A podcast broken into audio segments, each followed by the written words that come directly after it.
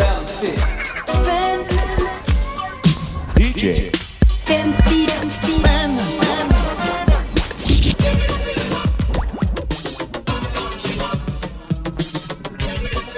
Hej! Nu är det DJ 50 spänn igen. Den där nischade podcasten om dammiga och gamla men framförallt jättebilliga skivor. Sådana som man plockar upp för ungefär en tia styck i skivbörsar och loppisar och Myrorna och Humana och allt vad de heter. Vem är dagens DJ 50 spänn? Eh, han är inte handbollsspelare, han är inte före detta partisekreterare tror jag är, i Folkpartiet. Men han heter Johan Jakobsson. Välkommen hit! Tack så väldigt mycket. Jag är väldigt glad att du kommer hit för att jag, eh, du har varit en slags eh, person som alltid har funnits i Stockholms indiedjungel, känns det som.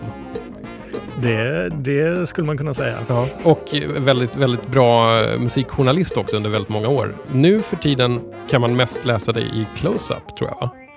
Eh, ja, Close-Up och Sonic Ja. är de främsta tidningarna. Mm. Eller de tidningarna som jag medverkar i. Du, du är ju väl lite känd så här som Lo-Fi-Johan hur funkar det på en redaktion som Close-Up? Ehm, det, det funkar väl egentligen inte alls skulle jag vilja påstå. Ehm, Blir du utan- mobbad? Eh, nej, jag skulle nog bli mobbad om jag släpade dit mina lo-fi skivor eh, och eh, spelade upp dem för resten av kontoret. Så jag försöker hålla mitt eh, lo-fi älskande liksom åtskilt från mitt hårdrockande dagjobb. Men, men har du inte blivit helt metal-skadad? Eh, nej, inte än. Nu har jag jobbat på Close-Up eh, på redaktionen då i ungefär tre och ett halvt år. Och ehm, alltså, jag har ju lärt mig allt eftersom såklart. Alltså, det bara, vad heter det, osmosis tror jag. När, Mm, man, mm när det sjunker in i kroppen. Liksom. Och så helt plötsligt vet man vad gitarristen i Five Finger Death Punch heter. Och man förvånar sig själv. Liksom. Det lät det som att jag var världens största metalfobiker och, och liksom går omvägar så fort jag ser ett exemplar av Close-Up ligga någonstans. Det är inte så. Jag, jag, jag brukar alltid tänka på Close-Up som eh, tidningen som har de absolut bästa skivrecensionerna. Alltså det är en fest att läsa dem för att de är, de är så mycket... eh, de känns som att de är både mer insatta i musiken men framförallt också väldigt mycket roligare än andra. Ja, jo alltså det är en enormt svår... Eh, för en person som jag som inte har levt med metal i eh, alla mina dagar eh, så är det väldigt svårt att ta plats i det sammanhanget just för att alla skribenter är ju så, brinner så fruktansvärt mycket för det här och Mm. kan så otroligt mycket och verkligen liksom tvekar inte och droppar referenser som man liksom själv blir uppfintad på läktaren. Liksom. Ja, jag fattar. Eh, och det är precis så det ska vara tycker jag. För det är en sån tidning Clo- Close-Up är. Den eh, liksom riktar sig till de mest insatta. Mm. Sådär. Eh, du eh, har ju eh, fått lägga ut med 50 spänn här. Det är Mm. din inköpsbudget för att köpa fem stycken då gamla vinylskivor. För. Var, var gick du någonstans och köpte dem? Jag gick till Hötorget. Uh, Al- alltså utomhusloppisen som vara där. Utomhusloppisen där Ah. varje söndag. Så alla de är köpta där. Har, finns det bra skivor där? Jag har, jag har faktiskt aldrig testat. Uppenbarligen fanns det ju några alltså. Det var ju mycket eh, de gamla vanliga, eh, vad ska man säga, eh, the usual suspects.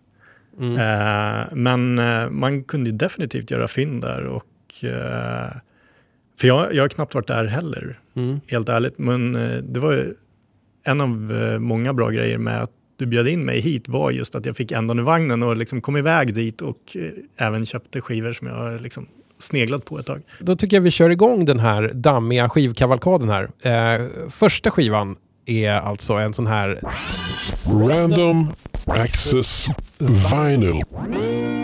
det vill säga blunda och hugg en skiva.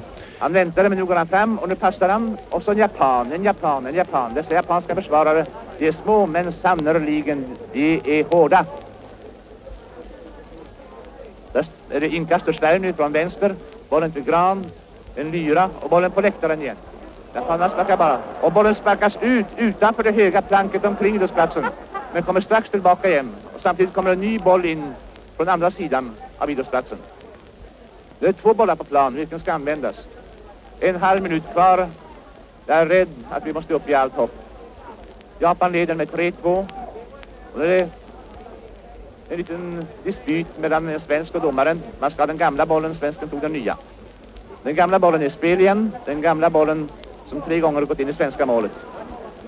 Så en boll bakåt. Där står Otto Andersson ensam mitt på linjen. Nu slår han mot mål. Det är sista chansen för Sverige. Och han skjuter långt, långt, långt åt höger. 10 meter för långt åt höger. Alla spelarna utom Bergqvist är på japanska sidan av planen. Det är... Ja, man tror det sina ögon. Det är obeskrivligt. Det kan inte talas om en gång. Det var den underligaste match jag sett i mitt liv. O- Okej Johan, vad, vad var det vi hörde för någonting? Eh, vi hörde Sven Jerring kommentera Sverige-Japan i eh, OS 1936. Ja. Och, och vad är det för skiva det här? Eh, det är en skiva som heter Rekordreportage Radio. Eh, den är utgiven av eh, Sveriges Radio Records eh, 1969. Jag som inte vet så mycket om sport vet till och med att det här kanske är ett av världshistoriens mest kända svenska sportreferat. Ja, jo det måste det ju vara, Eh, absolut. Vad, vad tänkte du när du plock, fick upp den här skivan? Um, alltså jag kände bara en enda stor lättnad faktiskt, för just den här eh, kategorin hade jag fruktat. Liksom. Ja, man vet inte vad som kommer upp. Nej, precis. Och jag tänkte så här, men det kommer väl att bli liksom eh, Berlin, Filharmonikerna spelar Sibelius liksom, eller någonting sånt där. Och så kan man inte säga någonting roligt om det. Ja, men precis. Så det var, det var, jag började liksom fundera lite på fusk. Ja. Eh, men Men du kanske, det kanske var fusk, du fick hjälp av högre makt helt enkelt. Alltså skivletarguden bistod dig helt enkelt. så måste det ha varit. Så måste det ha varit för att, eh, nej, jag drog upp den fair and square och Mm. blev ja, lättad och överlycklig. Mm. Ko- Kommer, har, har du lyssnat igenom hela skivan eller kommer du göra det? Eh, jag har faktiskt inte gjort det än, men jag har lyssnat igenom eh, sida A Mm. åtminstone. Mm. Eh, och jag kommer definitivt att lyssna igenom sida B också. Mm. Eh, för att det är, jag är ingen så här, sportfanatiker på något sätt, liksom, men sättet som de framför de här reportagen är liksom väl, verkligen värd att höra. Mm. Kan du hinta lite om eh, andra spår som finns på den här skivan? Jag höll på att säga låtar, jag menar alltså spår på den här skivan. Eh, den är uppdelad i friidrott, fotboll, ishockey, skridsko och skidor. Eh, och det är då reportage signerade Sven Jerring och eh, Lennart Hyland och eh, Lars-Gunnar Björklund och ja, just det, Sven Plex Pettersson. Så det är ju verkligen crème de la crème vad Ja. gäller svensk sportjournalistik. Vad, vad tänkte du nu när vi lyssnade här på Sven Jerrings eh, referat av eh, Sverige-Japan då i Nazi-olympiaden 1936? Eh, alltså framförallt så är det ju liksom, eh, det är väldigt svårt att följa med i matchen Mm. kan jag känna. Ehm, just för att han, han kommer i sån affekt. Liksom. Han är ju så otroligt inne i det här och liksom, det är ju helt omöjligt att Sverige ska förlora den här matchen. Liksom. Eh, och, eh, alltså, han, han liksom tappar ju vartenda spår av professionalism. Liksom. Och det, men det är helt underbart att höra just för att då inser man liksom hur mycket det här betyder för honom. Och eh, jag älskar liksom sådana människor som nördar ner sig i någonting, liksom, vad det än må vara i princip. Va, vad tror du han gjorde efter matchen? Åh gud. Eh, Alltså hur, hur, eh, hur varvade han ner efter den här liksom katastrofen? Eh, det, ha- det var nog alkohol inblandat, skulle man jag kunna misstänka. Ja. Men jag, jag tänkte på en grej, och det var ju så här att de japanska spelarna är helt avpersonifierade. Mm. De är bara Mm. japaner. Han Precis. nämner ju inte ett enda namn verkar det som. Nej. Han har, han har inte, han har liksom inte, han, han, han måste ju ha haft en lapp framför sig så här, så här nummer 10 heter så och så. Alltså, det är inte som att de inte spelar mot människor. Jo, jo precis. Eh, på ett sätt så kan man ju säga det att eh, vad jag tycker mig ha hört liksom, under bilresor landet runt så är ju liksom sportreportagen är ju mer eh, nyanserade idag och lite mer ja, balanserade. Mm. Så att de har ju gått framåt på det sättet. Liksom. Och sen så just så, liksom, han har ju slutat referera matchen Ja. på, på, på något sorts, liksom, eh, på något, ja, något professionellt sätt. Liksom. Mm. Utan, eh, nu är det mer sättet som man säger det på som är det viktiga. Liksom. Eller där framföra den här katastrofen, det är det som är huvudpoängen på något sätt. Ja, men det, det var väl ett eh, bra exempel på den klassiska svenska sportinställningen sämst när det gäller, får man väl säga. ja, precis. Vi hoppar direkt vidare på nästa, nästa skiva och nästa kategori. Nostalgiköpet. Kan du bara säga vad det är vi ser när vi tittar på omslaget? Um, alltså vi ser ju någonting som var tänkt att likna Vogue. Eh, om jag har förstått saken rätt. Det har jag faktiskt aldrig tänkt på, men det är ju helt sant. Och det låter ju lite som jag föreställer mig att Vogue kanske såg ut Ja, jo. då, om man kan översätta det. Take time to see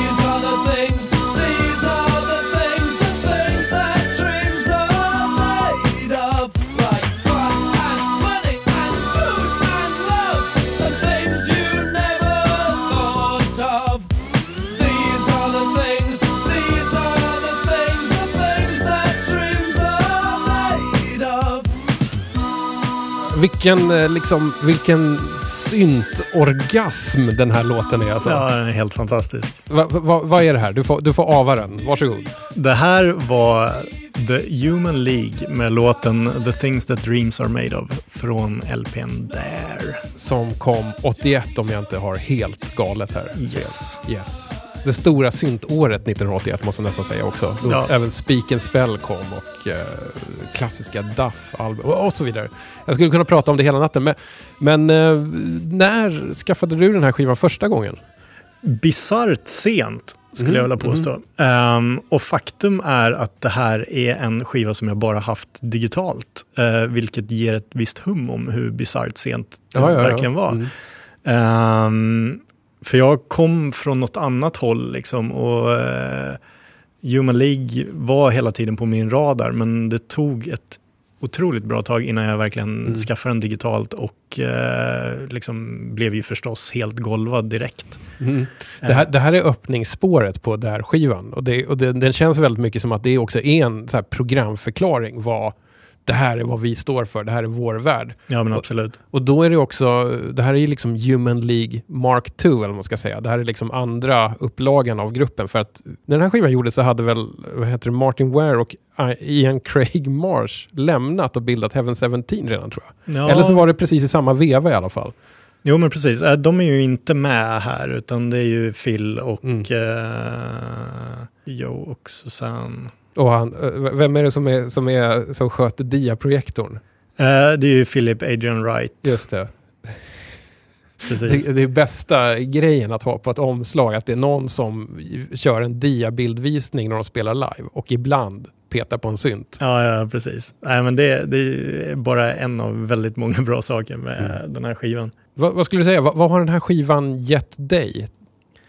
Den har varit, dels har den ju varit en, liksom, en inkörsport.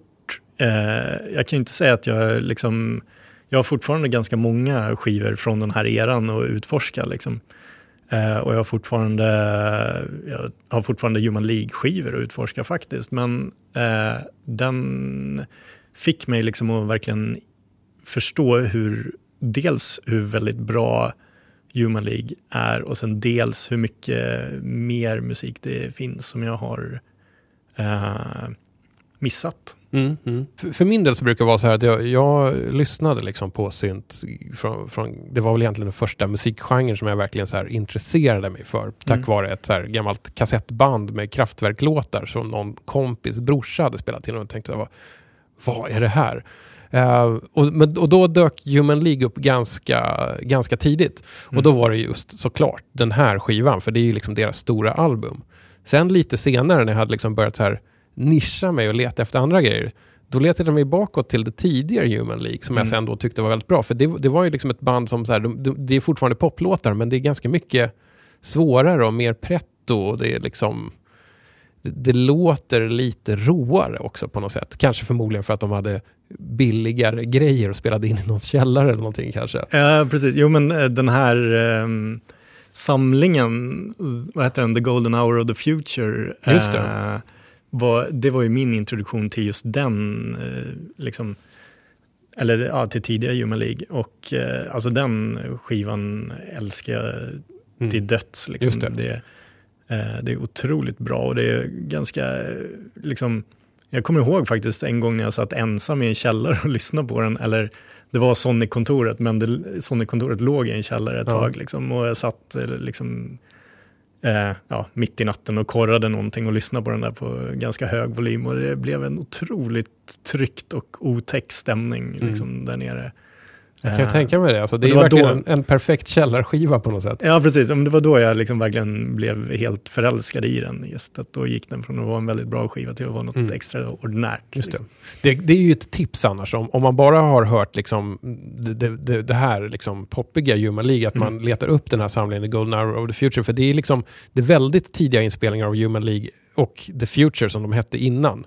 På den tiden när typ halva bandet jobbade som datoroperatörer i Sheffield, alltså på, någon gång på 70-talet, vilket innebär att de jobbade med så här IBM stordatorer gissar jag på. Eh, Eh, och den är, och det, är, det är väldigt brusigt och demoaktigt och liksom, ja, men jäkligt intressant också. Väldigt, eh, en väldigt opolerad form av elektronisk musik. Jo, precis. Och för, för liksom folk som jag som inte var med eh, från första början eller liksom Mm. har insett eh, eh, att det finns ett Human League bortom Don't You Want Me och sådär, Mm. så är det en, definitivt något som man ska kolla upp. Det här leder ju in liksom på liksom syntpop och sådär. Har, har det liksom eh, öppnade den här skivan liksom dörrar till några andra världar som du är glad, glad för sen? Liksom? Ehm, nu ska vi se här, det var en bra fråga. Ehm, den, den, samtidigt som den öppnade dörrar kan, den ju stä- eh, kan man ju säga att den stängde dörrar också. För just eftersom jag kom från ett annat håll så eh, när Electroclash-vågen eh, var som störst så tyckte ju jag då eftersom eh, ja, som det här andra hållet, eftersom jag kom från det här andra hållet så tyckte jag att mycket av det som dök upp då eh, i början av eh, 2000-talet, liksom, Mm. där millennieskiftet, eh, som det som kallades Electroclash, eh, var väldigt fräscht och väldigt Mm, kul. mm. Liksom. Eh, och sen så insåg jag ett moment ett tag här nu, liksom det gjordes, det har- det här har gjorts förut liksom. Ja. Eh,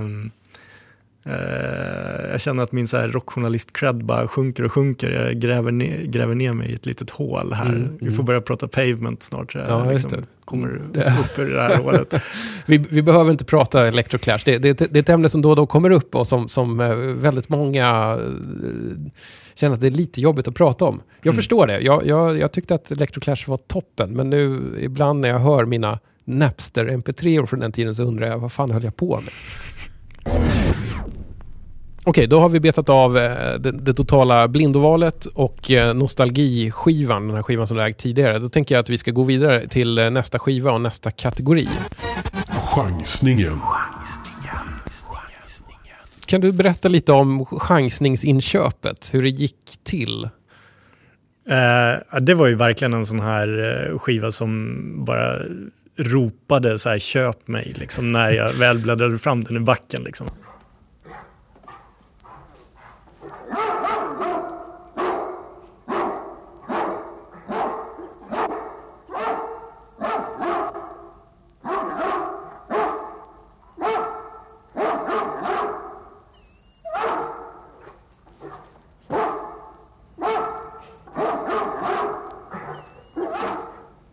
Vet du vad, jag flyttar nålen lite och ser vad som kommer sen. Ja, gör det.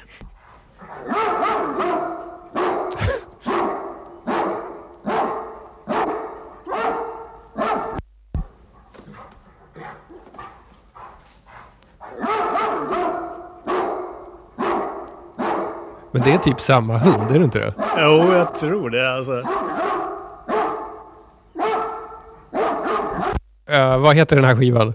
Eh, den här skivan heter Sound Effects eh, Volume 11 Beware of Dog. Och den är från, vad stod det, 1971 va? Eh, ja, precis. Alltså en ljudeffektskiva med bara skällande hundar. Yes. Alltså för, för att förstå vad man ska använda den här till så står det också lite så här Guard dog on premises och no trespassing på omslaget. Så, så, tror, du, tror du att det är meningen att man ska liksom ha den här på repeat hemma? Eh, så att inbrottstjuvarna tänker så här, nej det här låter som en riktigt galen rabieshund. Här ska jag inte bryta mig in och sno stereoutrustningen. Det är det faktiskt. För att ehm, eh, det står till och med här på baksidan att ehm, eh, Uh, it is uniquely an album that might actually be used for the purpose it depicts. Uh, this need not only be a recording of a barking, snarling, gro- growling, growling dog on guard. It could serve as well, particularly in your absence, to provide your home or apartment or automobile or office with a convincingly realistic guardian, as the repeated sound strongly suggests to passerby or would-be intruders that they beware of dog. Men det, det är ju helt fantastiskt. Alltså det, det är ju en, eh, det är en fantastisk skiva. Och sen, Ja. sen kan man ju också tänka sig att en annan eh, möjlig liksom, eh, potentiellt köpare för det är någon som bara, bara älskar skällande hundar. Ja, jo. Alltså om det, finns, om det finns någon med den böjelsen, jag vet inte. Jag tror också att om, eh, om jag fortfarande hade haft efterfester hemma hos mig så skulle det vara en väldigt bra Mm. skiva och liksom få bort alla ur Ja, ens det. lägenhet. Dags på- att gå hem-skivan. Precis. Men annars vet jag att det, det, det fanns ju sådana här liksom, eh, skojskivor förr i tiden där liksom hung, hundarna eh, gläfser med i kända låtar. Ja, det. Men det här är ju ingen sån. Det blir ju liksom inget musikaliskt innehåll. Det här är ju liksom... Det är ju väldigt konceptuellt kan man väl säga att det här också är kanske. Ja, jo. Det, det här företaget då som eh, har gett ut den här Audio Fidelity har Mm. gett ut väldigt många, ja, vilket är uppenbart eftersom den här heter Volume 11. Mm. 11. Mm. Ehm, men de var lite specialiserade på det just. Eh, men många av dem eh, är såna här rena samlingsskivor med liksom en kylskåpsdörr som stängs och ett tåg som far genom Mm. en tunnel och Mm. såna där saker. Just den här är lite speciell vad jag har förstått på det sättet att den liksom bara innehåller en grej. Brukar du köpa liksom ljudeffektskivor och sånt där när du hittar, hittar det? Eh, inte så mycket som jag eh, skulle önska egentligen. Ehm, det är liksom alltid något som jag säger att eh, när jag blir rik så ska jag liksom slå mig in på en eller då ska jag börja skaffa alla såna här ljudeffektsskivor som finns. Liksom. Och Jag ska börja med tågen. Mhm. Jag förstår. sen så ska jag- Och hitta en, en, en, så väldigt nischad samlande då. Ja men precis, och sen så när man har alla skivor med alla tåg så får jag börja med, jag vet inte, natur. Mm. Liksom. Mm. Ja, Naturljud. och så, ja, så har jag något att göra här. Det är dags för Skivbörsklassikern. en sån här eh, typisk sån här skiva som nästan alltid står i 10 kronors backen. Vad, vad, vad brukar du tänka på att fan de här skivorna står ju alltid här? Alltså det är väldigt mycket så här Berliner Philharmonic. eh, Ja just det, mycket de- klassiskt ja. Mycket klassiskt, eh, som jag alltid brukar bläddra förbi. Ehm, Jag brukar, jag brukar ofta fundera på liksom den, den enorma volymen av kristen popmusik som måste ha gjorts på 70-talet. För det är ofta sånt som hamnar i de här eh, billiga lådorna och verkar sen fastna där för evigheten. Alltså det är så här Samuelssons, Mia Marianne och Per Filip. Eh, men du, du har ju hittat någonting helt annat i, i, i, i loppis klassiker-genren här helt enkelt. Ehm, vad ser vi om vi tittar på omslaget? Eh, vi ser eh, vitsippor, eh, Mm. tror jag. Vitsippor i en solig eh, skogsbacke. Ehm, jag chansar på att det är taget i Liljanskogen kanske?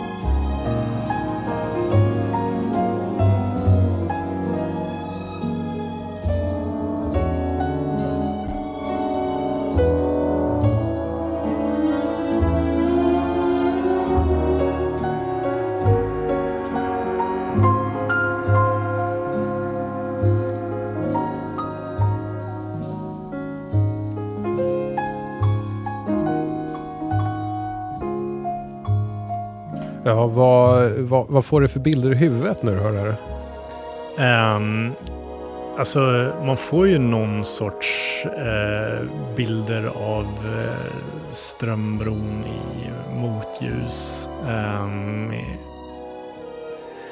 ett eh, sommarvarmt och eh, tryggt Stockholm. Mm, mm. Eh, men frågan är om, om jag liksom får de bilderna eftersom jag vet vad det är eller om eh, verkligen musiken reflekterar det. Jag är inte riktigt säker på vad, Nej, vad som gäller. Men, ja, vad, vad är det här för skiva? Eh, det här är en skiva som heter Images of Sweden eh, som är eh, eh, en, ett, eh, ja, det är Bobby Eriksson som har komponerat alla titlar och sen så är det Bengt Hallberg som har arrangerat och dirigerat. Mm. Eh, kom ut på eh, EMI 1978. Just det, och den här låten heter alltså En gång i Stockholm. Precis. Var känner man igen den annars ifrån? Eh, den tävlade, det var Sveriges bidrag i Melodifestivalen 1963. Monica Zetterlund sjöng en förkortad version av den Ja, och fick noll poäng. Och eh, det var stor skandal. Ja, ja verkligen. Men det, ja, det är mycket märkligt. Ja, jo, Ro, rolig trivia om den här skivan. Jag läste precis, bara öppnade. Det är så här fint, um, vad heter det, gatefold sleeve. Uh, och då står det uh, på insidan där att uh, den som har formgivit omslaget är alltså Sigvard Bernadotte. Precis. Den riktiga designprinsen. Ah, Take that, Carl Philip. Ja, visst. Men vad, vad, vad har den här skivan för, för syfte? Är det liksom en turistbroschyr för Sverige fast på skiva? Eller vad är det för någonting? Alltså den har ju ett helt fantastiskt syfte tycker jag. Ett, eh, och ett syfte som eh, Mm. förmodligen inte... eh, Eller som kräver någon slags dårskap för att försöka genomföra. Men det är... ehm, det står här, Bobby har skrivit uh, liner notes eh, på innekonvolutet. Eh, och han säger då att It would make me very happy if my music could communicate at least some of my deep feelings for our wonderful Scandinavia with, it, with its many thousand islands, its lakes, plains, mountains and dells. Så eh, det är Bobbys syn på eh, Sverige helt Så, enkelt. så här låter vårt land. Så här låter vårt land. Mm. Eh, det är inte en dålig eh, ambitionsnivå. Tyck, tycker du att han når upp till den? Alltså det är en väldigt fin skiva, eh, tycker jag. Mm. Eh, det är ju en otroligt så här, romantisk skiva och den är ju verkligen idyll på idyll på idyll. Eh, så att den funkar väldigt bra liksom, om man vill, om man vill liksom, förlora sig i något romantiskt och rosa glasögonaktigt säcken. Liksom. Jag, jag var tvungen att kolla upp vem är Bobby Eriksson. Och då, Mm. alltså, han var kompositör, alltså mycket slager Mm. har jag fattat. Men det var, alltså till ganska länge i alla fall så jobbade han som någon slags eh, informationschef på Svea-koncernen. Jag vet inte Ja, vad. Svea-koncernen är, men jag gissar på någonting inom skog och pappersindustrin. Ja. Innan han fick sitt genombrott som, som låtskrivare. Och då har, verkar det som att det har varit mest slagers av den klassiska sorten som har varit hans grej då. Mm. Nej, jag vet inte alls särskilt mycket om honom heller. Liksom, eh, jag tror att det här är en av eh, få liksom, fullängdsskivor som eh, är en, eh, liksom, från början till slut är komponerad av honom. Mm. Eh, men jag är inte helt hundra på Nej. det. Om det finns fler så hör gärna av er så vill jag köpa dem också. Jag vet att det finns ett spår på den här som heter Utskärgård. Jag var tvungen att bara lyssna igenom för vad är det här för mystisk skiva? Som jag direkt fick en sån här liten flashback till. Eh, Den låten, Utskärgård, vet jag att jag har många gånger när jag var barn suttit och tittat på klockan och väntat på, på tv då, på SVT.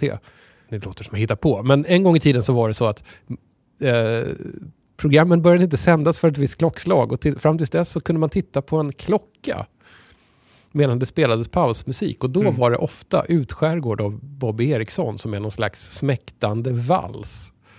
Den där eh, den pausmusiken introducerar väl eh, en hel generation för Satie om inte annat.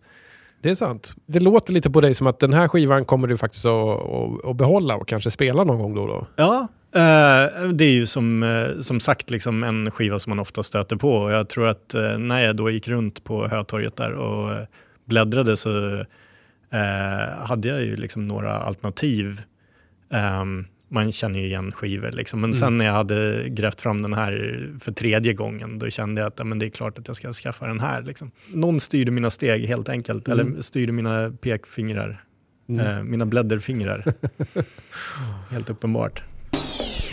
Hör du, det har dragit ihop sig nu till din sista skiva som du har köpt eh, för, för din lilla, lilla budget på 50 kronor. Eh, sista skivan, sista kategorin är Fyndet. alltså det bästa du kunde hitta utan att spr- spräcka budgeten.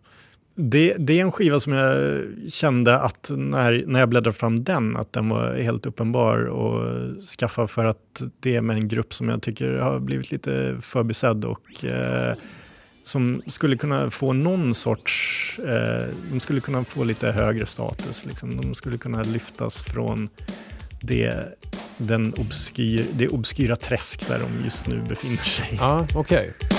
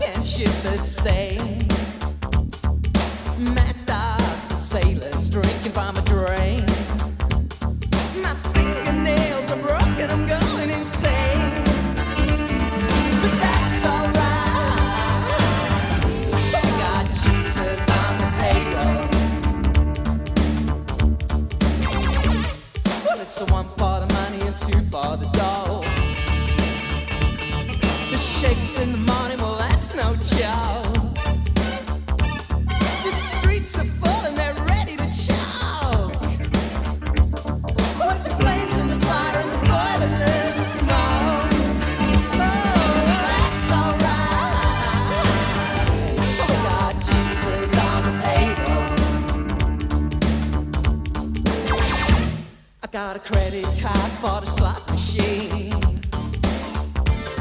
And government issue, I need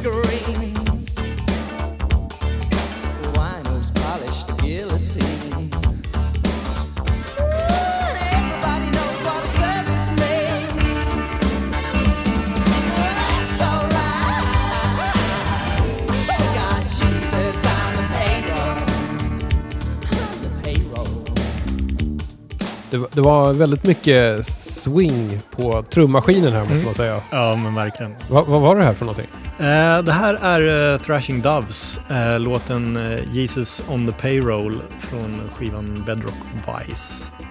Från vilket år är det här? Eh, det här är 87. Mm. Eh, den här låten är väl kanske bekant för många lyssnare av den här podcasten som en remixen av den här är lite av någon slags Balearic-klassiker. Eh, Mm. Tycker jag mig ha förstått. Ja, just det. Men det stämmer nog. För att, och då är det mest liksom något sådär lite lätt houseigt piano. Som, som, och, och det händer inte så mycket annars. Det är perfekt att så här stå och eh, halsa en väldigt ljus öl på en strand på Ibiza medan solen går upp till den, gissar jag på. Exakt så, exakt så. Um, Jesus on the Payroll Street Groove tror jag den heter. Mm, just det. Men det, det här är liksom grundversionen, albumversionen av den ska man väl säga. Va, Ja. Kan du vara snäll och placera den här i ett sammanhang förutom eh, det baleariska? Um, åh gud, jag skulle ju vilja påstå att den här skivan är liksom, eh, den borde få någon slags status som eh, lite av en brygga mellan rock och dans och eh, så. Eh, det är inte så konstigt att det just blev liksom eh, att folk som eh, ja, var på Ibiza då liksom fastnade för den, tycker Mm. jag. Mm. Men man hör ändå ingenting om Thrashing Doves. Alltså det finns väldigt mycket bra att hämta på den här skivan känner jag. Det finns många bra idéer, många bra hooks. Är den här låten representativ för resten av skivan? Alltså? Är det det du säger? Eh, mer eller mindre. Alltså, eh, anledningen till att jag ville spela den var, är väl för att den är väl egentligen eh, den är den är väl kanske mest känd tror jag. Och, Men- ja. Alltså det är ganska spännande text också om drog eller crackrökning rökning och man somnar, han sjunger någonting att han somnar på tunnelbanan. Och vaknar med, med, med något, slags, någon, något chip implanterat Precis, i hjärnan? ja, men det Mm. är lite bra så här paranoid, eh, paranoida texter. Det är intressant det där att, att man, man, alltså enligt den liksom officiella historieskrivning så började den här hybriden mellan liksom rock, eh, rock och dansmusik lite senare här. Alltså Mm. Man brukar alltid så här, ja, droppa namn som Happy Mondays och eh, Sto- Stone Roses såklart och sånt Mm. där. Men det här, det, det är ju faktiskt inte helt olikt alltså. Det här är ju lite tidigare också, om det är 87. Ja, men precis. Och det var ju det som jag kände också att eh, när jag första gången hörde Happy Mondays och Mm. eh, ja, Stone Roses och, eh, ehm, gud vad heter de?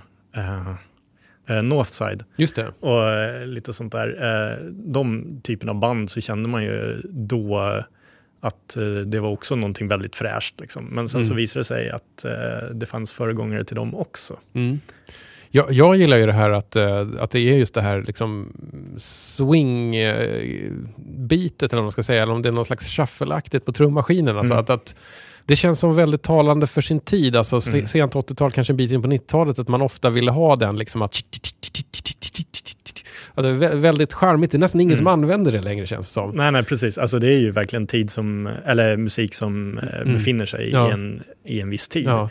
Och det fanns ju en undergenre till R&B där i början på 90-talet som kallades för swingbeat tror jag. Ja. Som var bara, alltså det var, det var att, det, att trummaskinen var programmerad på det här sättet. Eh, det finns ju också en bra historia eh, varför just eh, Thrashing Doves inte är så kända som de kanske borde vara. Aha, vadå då? Eh, och det är eh, Thatchers fel, faktiskt.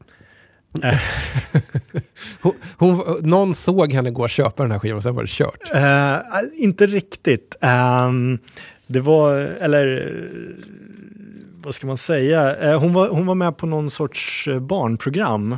Eh, och då spelar de en låt med Thrashing Doves som heter Beautiful Imbalance. Eller ja, Imbalance heter det. Mm. Ja. Det är eh, första spåret på den här. Eh, och då så sa eh, Margaret Thatcher att hon gillade videon till den här. Men grejen var ju att, eh, alltså hon gillar ju inte låten, för hennes favoritlåt var ju liksom How much is that dog in the window. Ja. Eh, men hon hade, hon hade tydligen fastnat för att sångaren stod och höll i en griskulting i en scen i den här videon. Och Mm. han står framför en spegel. Ehm, och så eh, har de klippt in honom i, eh, ehm, eh, i spegelbilden också, så båda står och tittar mot den. Liksom. Men så står han och håller en liten, väldigt, väldigt söt griskulting. Liksom. Och när då Margaret Thatcher sa det så utdelade hon liksom dödsstöten för evigt. Liksom, Ja, ja, ja. mot- Och det, det är svårt att, ja, svårt att återhämta sig från någonting Det, sånt. det är ju helt omöjligt att återhämta sig någonting. Mm. Nu börjar jag genast tänka så här. Fredrik Reinfeldt har ju någon gång sagt att han gillar Dabas. Vad har hänt med Dabas sen dess? Ja. Det är ju faktiskt det sista jag hört om Dabas, att någon sa att Reinfeldt gillar dem. Och nu är de borta. Ja. Flera av de som har varit med tidigare har, har eh, när vi har kommit in på ämnet så har de sagt jo men jag har en, en wishlist, jag har en lista som jag liksom skivor jag letar efter. Har du någon sån? Finns det Eh. så här skivor som du alltid håller ett öga öppet för? Eh, inte längre faktiskt. Eh, jag gick omkring väldigt länge med en sån i bakfickan. Liksom. Så fort jag lämnade huset så hade jag en, eh, ja, ett hopvi- hopvikt A4-ark. Liksom. Och sen så eh, strök jag över så fort jag köpte en. Och sen så när jag hade strukit över tillräckligt många så gjorde jag en ny lista. Liksom, och Mm. höll på sådär tills... Eh, Tills du hade alla skivor du ville Ja, ha? precis. Jag, jag, alltså jag kände ju att jag var på väg in på fel spår där, för det finns inget tills liksom, i Mm. skivköparvärlden. Eh, världen. Men ehm, just nu så eh, är det mest faktiskt bara när jag bläddrar eh, så låter jag eh, ja, skivguden leda mig. Liksom. Om det finns något där så finns det någonting där. Men det, jag är inte på jakt. Då är jag mer på jakt liksom, på, på nätet. Mm, jag förstår. Eh, skiv, eh, när jag går och handlar i skivaffärer så är det mer liksom slumpen får avgöra. Mm. Eh, Tycker du att eh, skivletarguden behandlar dig väl?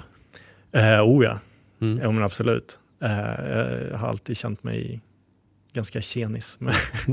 vi- Vilket är, är ditt bästa så här, skivletarfynd för en billig penning någonsin? Alltså det var nog faktiskt, nu kommer jag inte ihåg vad den kostade, men jag vet att jag tyckte att det var väldigt billigt då. Eh, det var en eh, Stockhausen, Karl-Heinz Stockhausen, eh, kontakt, hans kontaktskiva som jag köpte på eh, Renells. Ehm, och alltså, jag minns det just som att det var ett superfynd för att den hade jag letat länge efter. Det här var, eh, ja, gud jag vågar inte tänka på hur länge sedan det var, Nej, men det var, det var ett tag sedan.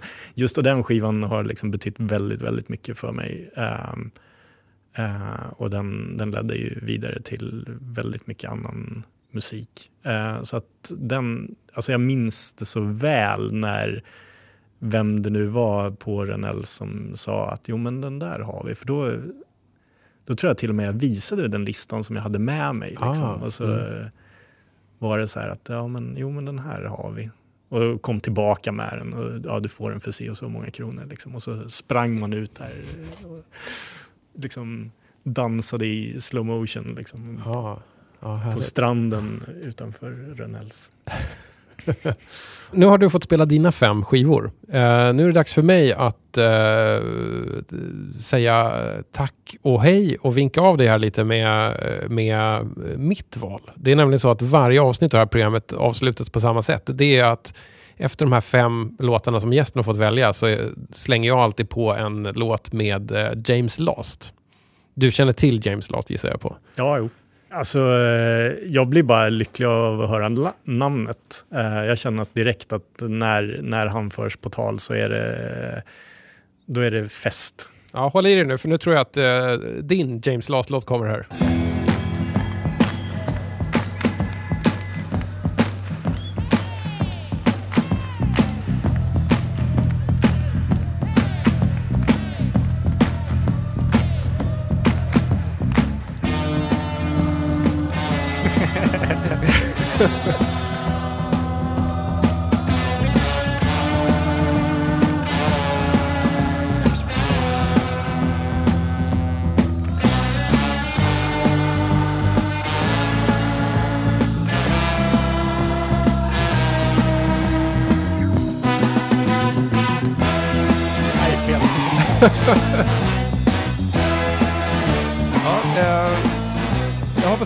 Med din James Last-låt.